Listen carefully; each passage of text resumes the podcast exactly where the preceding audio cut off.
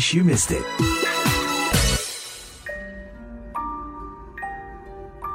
Itu kebudayaannya memang suka hal-hal yang berbau satu mistis, mistik dan mitologi. Horror is very relatable. Mereka percaya kejadian ini. Saya sudah pernah lihat kesurupan. Indonesians do definitely really like their horror stories. Kami ke sana untuk menjalankan proker KKN kami. Tapi desa yang kami pilih ternyata bukan desa biasa.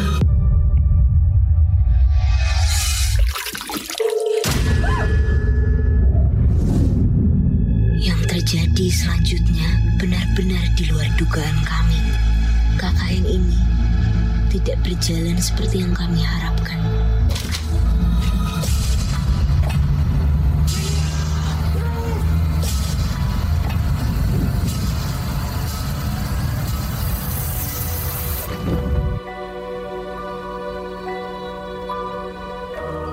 KKN di Desa Penari, sebuah film horor yang dirilis pada tahun 2022, membuat kejutan besar di industri film Indonesia. Menurut filmindonesia.org.id, film karya rumah produksi MD Pictures ini tercatat sebagai film Indonesia terlaris panjang masa di tanah air. Jumlah penontonnya di bioskop mencapai 10,1 juta orang. Manos Punjabi, CEO dan pendiri MD Pictures yang memproduksi KKN di Desa Penari, sudah memprediksi keberhasilan film itu sebelum dirilis. Jadi bagi saya pertama-tama memang orang Indonesia suka banget film horror ya. Analisa saya mereka ada relatable factor. Satu, relatable factor kan selalu jadi sesuatu yang uh, gampang dicerna, lebih relatable namanya. They have a very connection of a relatable factor, like they relate to it. And horror is very relatable. Misalnya mereka percaya kejadian ini. Saya sudah pernah lihat kesurupan. Mungkin saya percaya atau tidak percaya. Jadi hal ini uh, gampang dicerna. Itu satu elemen yang lebih bisa diterima. Nah, kalau Anda tanya kenapa mereka suka, ya pertanyaan simpel, mereka bisa relate. Kalau kayak film action, kenapa film action susah banget di Indonesia? Nggak relatable, itu problemnya. Film itu sendiri diangkat dari cerita viral berjudul sama yang mengisahkan enam orang mahasiswa yang menjalankan kuliah kerja nyata atau KKN di sebuah desa terpencil. Namun mereka sama sekali tidak menyangka bahwa desa di mana mereka ditempatkan bukanlah desa biasa, melainkan desa yang dikuasai makhluk halus yang dikenal penduduk setempat sebagai penari misterius. Keberhasilan KKN di Desa Penari sudah terbaca dari film-film horor yang dirilis MB Pictures sebelumnya. Manos bahkan berani mengatakan meski sulit diterima akal sehat, cerita-cerita horor mudah diyakini kebenarannya oleh masyarakat Indonesia. Oke, selain KKN, kita ada terakhir ada Sewodino, Seribu Hari tentang santet yang sangat meledak. Kalau KKN kan film terlaris sepanjang masa istri 70-an tahun terlaris sepanjang masa dan Sewodino ini tentang santet jadi film tujuh terlaris sepanjang masa. Mudahnya masyarakat Indonesia menerima film-film horor menurut Manos tidak lepas dari kebudayaan masyarakat Indonesia yang cenderung percaya pada hal-hal mistis. Dwi Nugroho, dosen Institut Seni Indonesia Yogyakarta yang juga tercatat sebagai salah satu kritikus film di montasefilm.com ikut membenarkan hal itu. Itu merupakan satu refleksi dari kebudayaan masyarakat setempat. Nah, di Indonesia itu kebudayaannya memang suka hal-hal yang berbau satu mistis, mistik dan mitologi, adalah ada legenda dan sebagainya. Dah uh, masyarakat memang secara culture sosiologis itu memang sudah mengarah ke sana. Dwi dan Manas mengatakan banyak orang Indonesia sejak kecil dicekoki oleh cerita-cerita hantu atau makhluk halus seperti Ratu Pantai Selatan, genderuwo, kuntilanak, kalong wewe, tuyul, babi ngepet, dan lain-lain. Para orang tua saat berbagi cerita-cerita seperti itu sering kali tidak memiliki pengetahuan yang memadai untuk menjabarkan kemungkinan adanya penjelasan logis di balik hal-hal supranatural tersebut sehingga cerita-cerita itu tertanam dalam diri anak-anak hingga dewasa. Pendapat itu dibenarkan Nadia Bulkin, penulis cerita-cerita horor sekaligus penggemar fanatik film-film horor penulis keturunan campuran Indonesia-Amerika yang kini tinggal di Washington DC ini merujuk pada pengalaman masa kecilnya. Sewaktu duduk di sekolah dasar di Indonesia, gurunya sering berbagi cerita hantu. I think that Indonesian kids get a lot of horror stories when they are very young. I know that I did. Um, for me, um, that was I remember when I when I was in elementary school there was a choice of that our teacher would offer of do you want to play outside or do you want to listen to me tell a ghost story? And everybody wanted to the ghost story Nadia mengatakan kepercayaan animisme atau kepercayaan akan adanya makhluk-makhluk halus dan roh dan mistisisme, kepercayaan pada hal-hal gaib, mengakar kuat dalam kebudayaan Indonesia. Sehingga tak heran katanya, film-film horor, terutama yang berkenaan dengan sesuatu yang tidak bisa dijelaskan akal sehat, bisa diterima dengan mudah oleh masyarakat Indonesia. Dwi Nugroho menjelaskan, membicarakan hal-hal yang berbau mistis dan horor adalah bagian dari kehidupan masyarakat Indonesia, sehingga bila ada opsi untuk melihatnya melalui medium audiovisual seperti film, mereka merasa sangat tertarik kebudayaan inilah yang akhirnya memicu orang membicarakan hal-hal yang sifatnya ada di sekitar kita yang berbau mistis, horor. Uh, hal-hal itu pun sangat menyenangkan. Apalagi ini ada satu bentuk uh, apa media audiovisual film, medium film yang mencoba menyajikan bentuk yang lebih atraktif dan apa estetik dalam bentuk film dan di dalam bentuk film itu orang bisa merasakan satu sensasi menakutkan, menegangkan. Marus sendiri mengatakan keberhasilan film-film horor yang dibuat rumah produksinya tidak lepas dari keberhasilan timnya dalam melihat apa yang menjadi perhatian masyarakat sekaligus hingga batas-batas tertentu apa yang diyakini kebenarannya oleh masyarakat ada yang kejadian cerita nyata, ada yang inspired, ada yang hanya viral. Jadi kita ambil elemen yang lebih real. Jadi bukan kita buat-buat film. Saya enggak, saya harus ada dasarnya membuat film horor.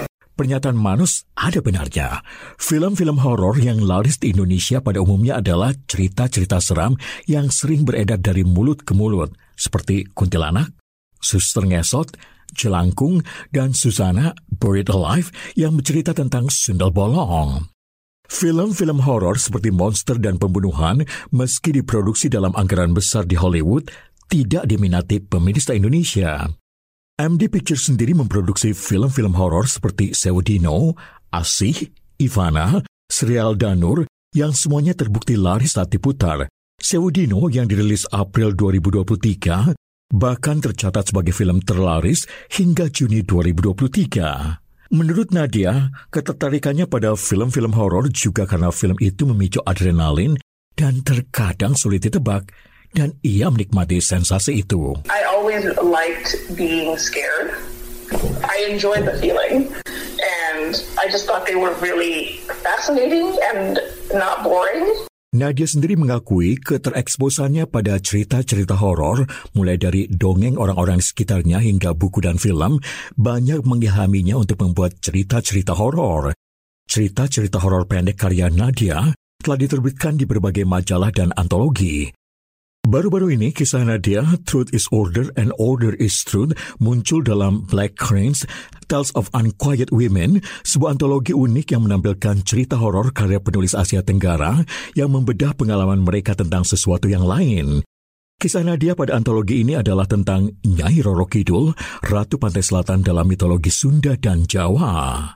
Terlepas dari tema, film-film horor Indonesia menurut Manus sudah mengalami perubahan dari segi kualitas. Dulu katanya, banyak film horor dibuat dengan anggaran sangat rendah, bisa dari Rp50.000 hingga 2 juta rupiah, walhasil kualitasnya sangat rendah. Waktu 2017 kami rilis Danur dengan 2,7 juta penonton. Itu mulainya film horror wow yang lebih bermutu.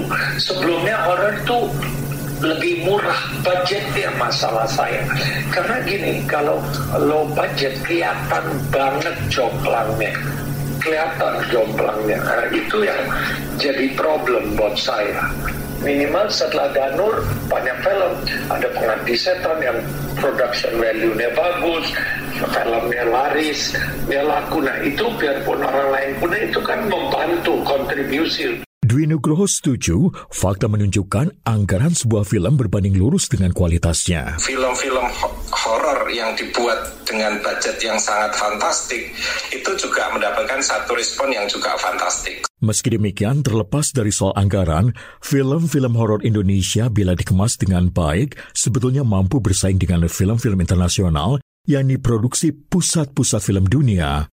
Indonesia, kata Dwi, banyak memiliki ikon-ikon horor seperti kuntilanak dan tuyul yang pada umumnya tidak dikenal di belahan dunia yang lain dan bisa mengundang rasa penasaran orang-orang di luar negeri banyak sekali potensi-potensi yang sangat uh, luar biasa di Indonesia. Kita punya ikon-ikon horor sosok yang sebenarnya tidak ada secara internasional. Ada kuntilanak, ada pocong, celangkung, sundel bolong, wewe, tuyul, dan itu karakter-karakternya punya punya ciri khas dan karakteristik yang yang beda-beda dan punya ceritanya beda-beda, punya mitologinya beda-beda. Dan poinnya adalah satu lokalitas yang yang yang bisa dieksplor lebih jauh uh, dengan penceritaan yang mungkin secara universal ya sebenarnya misalkan apa menggunakan penceritaan seperti di Hollywood ya struktur yang baik dan uh, intensitas dramatik yang baik. Saya yakin apa namanya uh, film Indonesia bisa sangat bersaing secara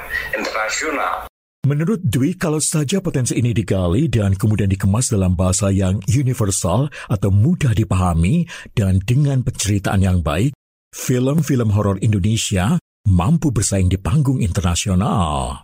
Film horor itu tidak sekadar menakut-nakuti, mengagetkan, membuat satu sensasi. Film horor yang baik adalah film horor yang mampu menjaga satu intensitas uh, ketegangan ceritanya. Jadi yang menakutkan bukan sosok seramnya, tetapi ceritanya yang seram ada cerita yang seram, ada atmosfer yang seram. Manus tidak menyangkal potensi industri film tanah air, namun ia mengatakan Indonesia masih kekurangan sumber daya manusia. Penulis di India ada seribu, di Amerika ada dua ribu, di Indonesia ada puluhan, nggak ada puluhan, uh, belasan. Terus sutradara nggak ada belasan, penulis nggak ada belasan. Jadi limitasi di SDM kita itu kalau di Amerika oh my god orang pintar banyak banget. Di Indonesia masih berkurang SDM kita. Jadi itu yang harus kita meningkatkan. Ya memang banyak lah. Kalau dilihat di Amerika sekolah film ada berapa? Dari USC ke BU ke Boston University ke mana-mana ada sekolah film. Itu kimia tapi kalau di di Indonesia kan enggak Lantas bagaimana dengan pemerintah? Apakah pemerintah mendukung industri film Indonesia? Kalau saya lihat dukung sih jujur ya, menurut saya enggak ya. Enggak ganggu, pasti itu udah bagus, tapi enggak dukung. Mereka menurut saya tidak tahu potensi film bisa kontribusi terhadap negaranya. Jadi dukungan nggak ada. Arif Budiman, VOA Washington. Thank you.